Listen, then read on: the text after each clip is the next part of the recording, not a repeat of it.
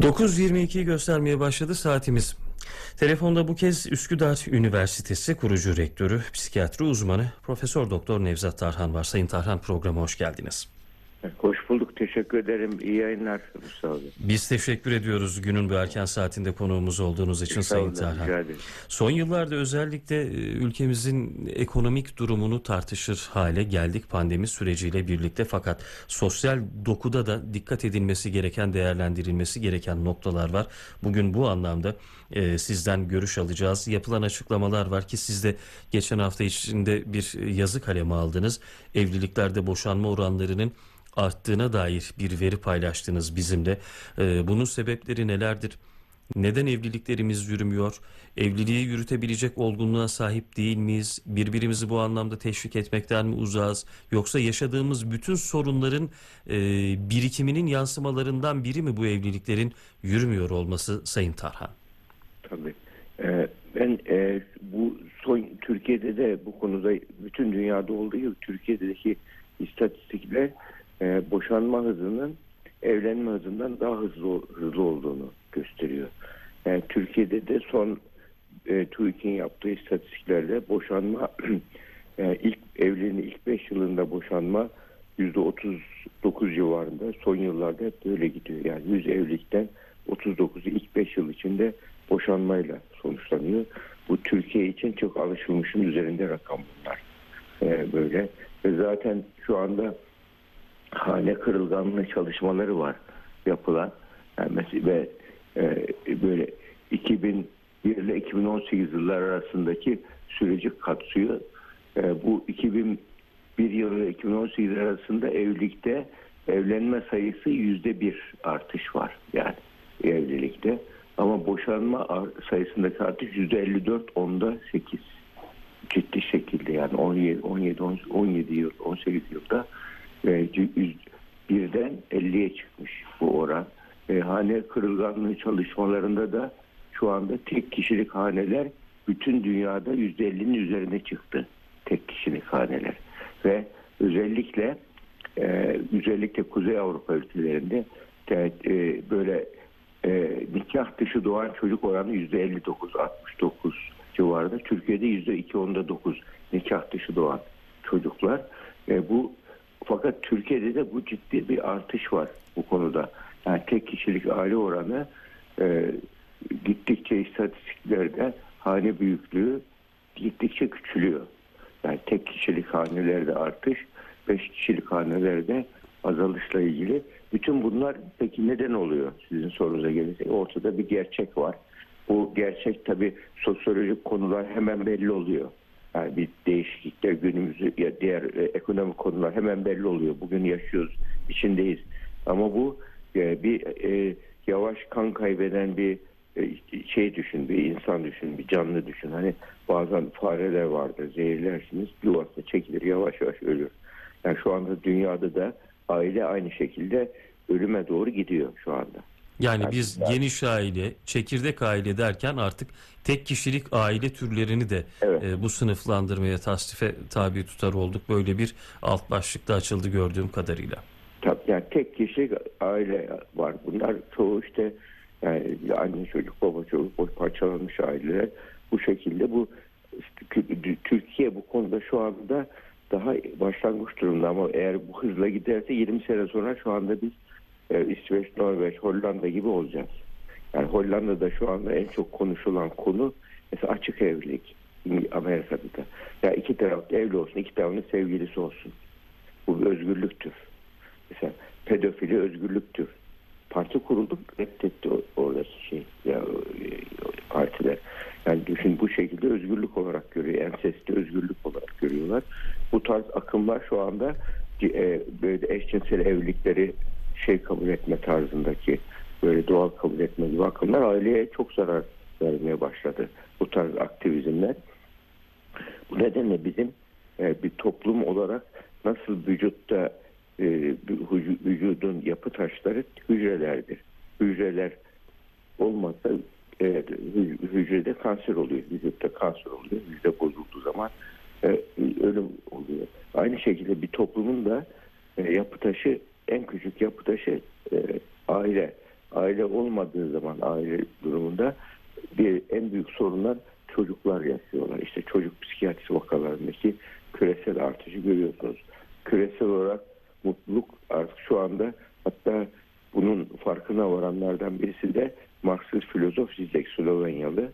E, kapitalizmin yon, son sığınağı mindfulness dedi. Mindfulness dedikleri de bizim Anadolu irfanımıza e, doğu bilgeliğini alıp sistematize edip bilimsel metodoloji haline getirip pozitif psikoloji bilim adı altında, mutluluk bilimi adı altında şu anda e, bunu bütün dünya dünyada e, Harvard ders olarak koydu. 2015'te, 2018'de Yale ders olarak koydu. Biz Üsküdar 2010, 2013'te koymuştuk bu dersi. Ama 90'lardan beri sanırım böyle bir eğilim var değil mi? Anadolu irfanını yaygınlaştırma eğilimi pozitif psikoloji alanında. Evet bunu alır Batı şey yapıyor aldı bizden sistematize etti uyguluyor. Biz bunun şeyiz şu anda farkında değiliz üzerinde oturuyoruz farkında değiliz.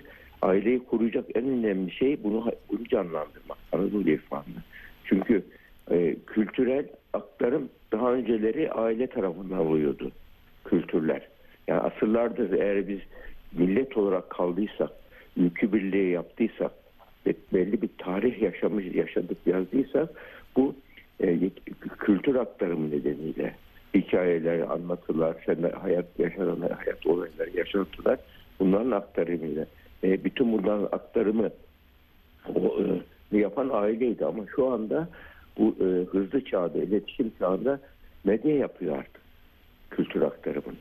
Yani aile de zayıflayınca medya kaldı. Bu nedenle yani şu anda birçok şey sosyal politikalar yeniden düzenlenmesi gerekiyor.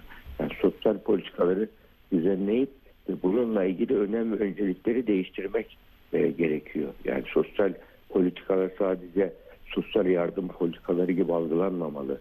Sosyal yardım e, yapmak ayrı bir şey, faydalı bir şey ama sosyal politika toplumun nereye gittiğini görüp e, bununla ilgili önlemler almak demek. Peki bu noktada sizin tavsiyeniz ilgili, nedir Sayın Tarhan? Ne, ne tür önlemler alınmalı, Ya, alınabilir? Bunun, bununla ilgili bir kere toplum veya bireye düşen önlem, önlem, önlemler var, topluma düşen önlemler var, e, karar vericilere düşen önlemler var. Ve bireye düşen önlemler böyle bir durumda kafamızdaki aile kavramının içini boşaltmayalım lütfen. Kelimelerin içerisinde de koyulmuş bir aile kavramı var. Aile demek sıcak bir yuva demek. Aile demek herkesin kendi güvende hissettiği demek. Biz aileye daha önceleri sevgi yuvası diyorduk ama şimdi yani bu dağılmaları gördükten sonra aile güven yuvası diyor. Sevgi yetmiyor. Sevgi tabii sevgi olması e, şey için evet, önemli ailenin devamı için ama dürüstlük olmayınca sevgi eşittir dürüstlük. Sevgi artı dürüstlük eşittir e, huzurlu aile oluyor. Eğer sevgi artı dürüstlük yoksa o ailede huzur olmuyor. Aldatmalar çok arttı küresel olarak. Bütün bunlar gösteriyor ki yani aldatma, cinsel aldatma şart değil. Yalan söylemeler, e, çeşitli böyle sorumsuz evlilik olgunluğunun olmaması, bütün bunlar e, önemli bir e, etken hepsi. Yani şimdi evlilik gibi bir kuruma giriş yaparken evlilik olgunluğu insan, olmayan insanlar evliliğe giriyor, evleniyorlar, bir müddet sonra boşanıyorlar. Ama bir önceden bir test yapılsa bunların çoğu evlilik olgunluğuna sahip değil. Hatta geçenlerde bir yerde e, bir gün sonra nikahı var. Genç bütün eski sevgililerini topluyor arkadaşlarını. Bekarla veda partisi yapıyor. E, bunu şey, öğrenince de bunu e, nişanlısı yüzü açıyor bunda sadakat olmaz diye. Yani evlilik olgunluğu yok daha. Evlilik sorumluluğunu bilmiyor. İçindeki çocuk büyümemiş. Yani böyle kişileri evlilik olgunluğu olmadan evlendirirsek yani ehliyetsiz, layık olmayan bir kimseye araba kullandırmak gibi. Hiç farkı yok. Bunun için bunların evlilik öncesi eğitimler, evlilikle ilgili e, böyle danışmanlık hizmetleri gibi. Mesela ABD'de şu anda family refreshment programları var. Yani aileyi böyle aileler bir şeyler yolunda gitmeden, avukata gitmeden, daha olmadan aileyi bütün gün hafta sonu bir gün alıyorlar, bir gün iki gün. Bütün e, anne baba çocuk hepsini, bütün aile aile tazeleme programları yapıyorlar. Yani ailedeki bütün sorunlar büyümeden e, e, kişiler birbirlerine olan bağını, gücünü, güvenlik, evi güvenli alan haline getirmek, aileyi güvenli alan haline nasıl getirir? Buna odaklansın birey. Peki toplum ne yapacak? Toplum da aynı şekilde. Toplum dediğimiz birey bireylerden oluşan e, topluluk. Yani böyle bir toplum bireylerdeki bu zihinsel e, destek, zihinsel düzelmeler toplumda da zihinsel düzelme olacak.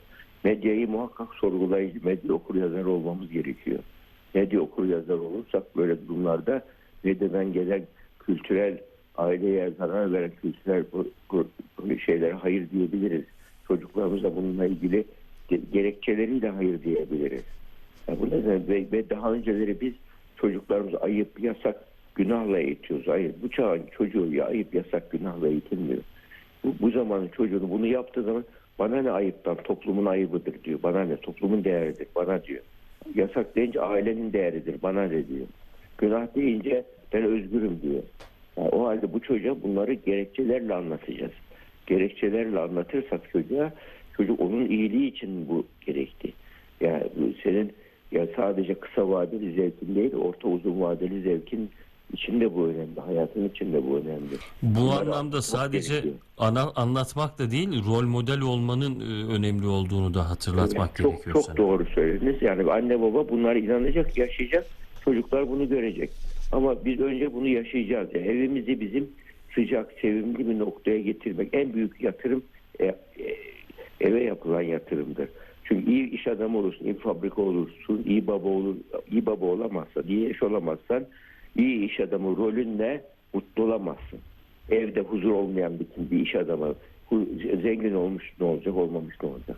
Yani onun için evde hu- huzurlu bir ortam oluşturabilmesi gerekiyor. Mesela iyi topluma faydalı e, o anne babasının adını devam ettirecek bir evlat yetiştiremediysek onun İslam'ın yarısı onun neye yarar?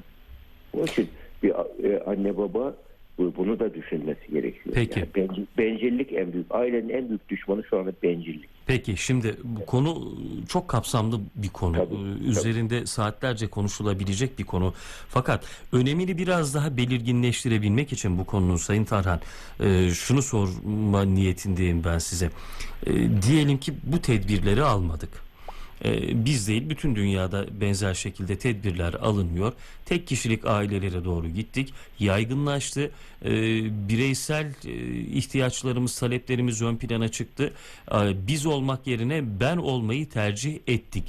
Belki çok uç olacak ama e, coğrafyamız, ülkemiz, dünya e, küresel ölçekte e, toplum ne hale gelir? Nasıl bir sorunla karşı karşıya kalırız? E, bir kıyamettir denilebilir mi bunun için? Tabii şu andaki bu e, e, şeydeki artış yani bunun öncülleri 20-30 senedir yani bilim bilimde tahmin edebilirlik önemli biliyorsunuz. Bu olayların neler tahmin edilebilirlik. Şu andaki bu tahmin edilir şunu gösteriyor. Yani burada e, şimdi uyuşturucunun artması, şiddet olaylarının artması şu anda. Yani şeyle e, şu anda e, şeyde e, psikiyatrinin kötülüğü tanıma, tanımlama yeteneğini ölçmek için ölçek geliştirildi. New York e, e, Üniversitesi, State Üniversitesi şey adli psikiyatri bilimi. Düşün kötülüğü tanıma. Yani çünkü kötülük artıyor. Kötücüllük artıyor. Bunun sonucunda toplumda ne olur? Sosyolojik olarak e, maddi refah artar. E, belki artık büyük savaşlar da olmaz. Nükleer savaş nedeniyle büyük savaşlar kimse yapmak istemiyor hiçbir ülke. E, korkuyor. Büyük savaşlar olamayacak. Yozlaşma olacak. Ben şuna benzetiyorum. Bak e, şeyin e, Nuh kavm tufanından önce ne olmuş diye ben merak ettim. Biraz araştırdım. Nuh tufanından önce e, insanlar çocuklar artık kör sağır topal doğmaya başlamışlar. Ensest çok yaygınlaşmış. Ensest. Yani kimin eli kimin cebinde belli değil. Hiç aile hayatı bir şey kalmamış. Toplum böyle bir yozlaşmış ki. Ve ondan sonra böyle bir yozlaşmadan sonra Nuh, Hazreti Nuh'u da dinlemiyorlar ve ondan sonra Nuh tufanı geliyor. Ya bu sanki ben dünyada şu andaki gidişte ciddi bir şekilde bu e, şeyde hatta ben San Francisco'ya gitmiştim. San Francisco'da psikiyatrinin toplantısı vardı. Orada psikiyatri derneğinin önceki başkanı SBMT diye bir dernek var. Ona sordum ya dedim San Francisco özgürlüğün en çok olduğu yer. Yani şimdi üçüncü cinsel kimlik diye transseksüellik konuşuluyor. Burada homofobi nasıl diye sordum meraktan ben. Ne güldü bana ne homofobi. Heterofobi var dedi. İnsanlar ben kadınım ben erkeğim demekten korkuyorlar dedi. Yani cinsiyetsizlik teşvik ediliyor Evet, aynen öyle şu anda San Francisco'da bu gerçekleşmiş. Ben kadın, heterofobi var yani ben kadınım ben erkeğim demekten korkan bir e, sosyolojik yapı oluşmuş. Şimdi- E, bunun sonucunda da işte şey işte yalnız yalnızlık var şu anda. Sayın Tarhan sizin bu söyledikleriniz bana yıllar önce 90'larda 2000'lerde izlediğimiz o Mad Max filmlerini e, hatırlattı. İnsanların tamamen dağıldığı, toplumların e, aileyle birlikte elbette toplumların parçalandığı, gruplar, çeteler halinde e, yaşadığı ve sürekli olarak bir e, şiddet sarmalında hayatlarını sürdürmeye çalıştıkları, daha doğrusu hayatta kalmaya çalıştıkları bir manzara benim gözümde canlandı. Sanırım en uç noktada eğer bu işin önü alınmazsa insanlığın gideceği nokta tam burası. Tam tam yozlaşma yani bir ahlaki yozlaşma bunun son noktası. Tamamen toplumda şeyin böyle e, sosyal sınırların olmadığı, sosyal kuralların olmadığı, ya ailenin olmadığı yerde çocuk sosyal kuralları öğrenemiyor ki. Ya hayalleri ve kuralları olan ortam demek aile. Hayalleri ve kuralları orta, olmayan bir ortamda çocuk yetiştiği zaman kuralsızlığı öğreniyor. Yanlış hayaller peşinde koşuyor ve be- ben merkezci kişiler bir araya geldiği zaman da birbirinin ayağını kaydırmaya çalışıyor. Yani e, anomik bir toplum hedefliyorlar. Yani normsuz bir toplum hedefliyor. Normal normu olmayan. Kime ne kazandırır peki bu? Bunu hedefleyenler ne elde bu edecek sadece burada? e, narsizmin bir sonucu, egoların sonucu, ego tatmini kazandırır bunu yapanlara. Ya bu kanser hücresi nasıl vücutta ve bencil hücredir, sınırsız, sorumsuz hücredir. Hep bana, hep bana der, büyür, büyür, büyür. Kendisi öyle bir büyür ki ya, e, 3 milimetreyi geçince oksijen ve glukozu çok kullandığı için Peki. ölçülebilir hale geliyor. Erken teşhiste kullanılıyor bu özellik. Ya vücutta açgözlü bir şekilde vücudu yutuyor. Peki. Vücutla birlikte kendisi de ölüyor en sonunda. Yani şu anda insanlık böyle böyle giderse bir ciddi bir şeyler başlayacak yani. Yani e, hatta Almanya'da bir mahkeme kararı var 2014'te basında yansıdı bu. Yani mesela kendi iki kız kardeşi evlenmiş çocukları var. Peki. Babayı babayı cezalandırmışlar. Bu etik özgürlüktür diye etik kurul Peki. karar vermiş.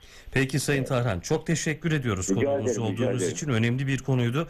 Keyifli bir pazar diliyoruz size. Hoşçakalın. Evet. Estağfurullah estağfurullah. Üsküdar Üniversitesi kurucu rektörü ve psikiyatri uzmanı Profesör Doktor Nevzat Tarhan telefondaki konuğumuzdu. Veda vakti geldi programı noktalıyoruz. Bahattin Ülgen hazırladı programı. Engin Erkan teknik yönetmenimizdi. Mikrofonda ben Mustafa Yalın vardım. Önümüzdeki cumartesi ve pazar tekrar buluşuncaya dek hoşçakalın.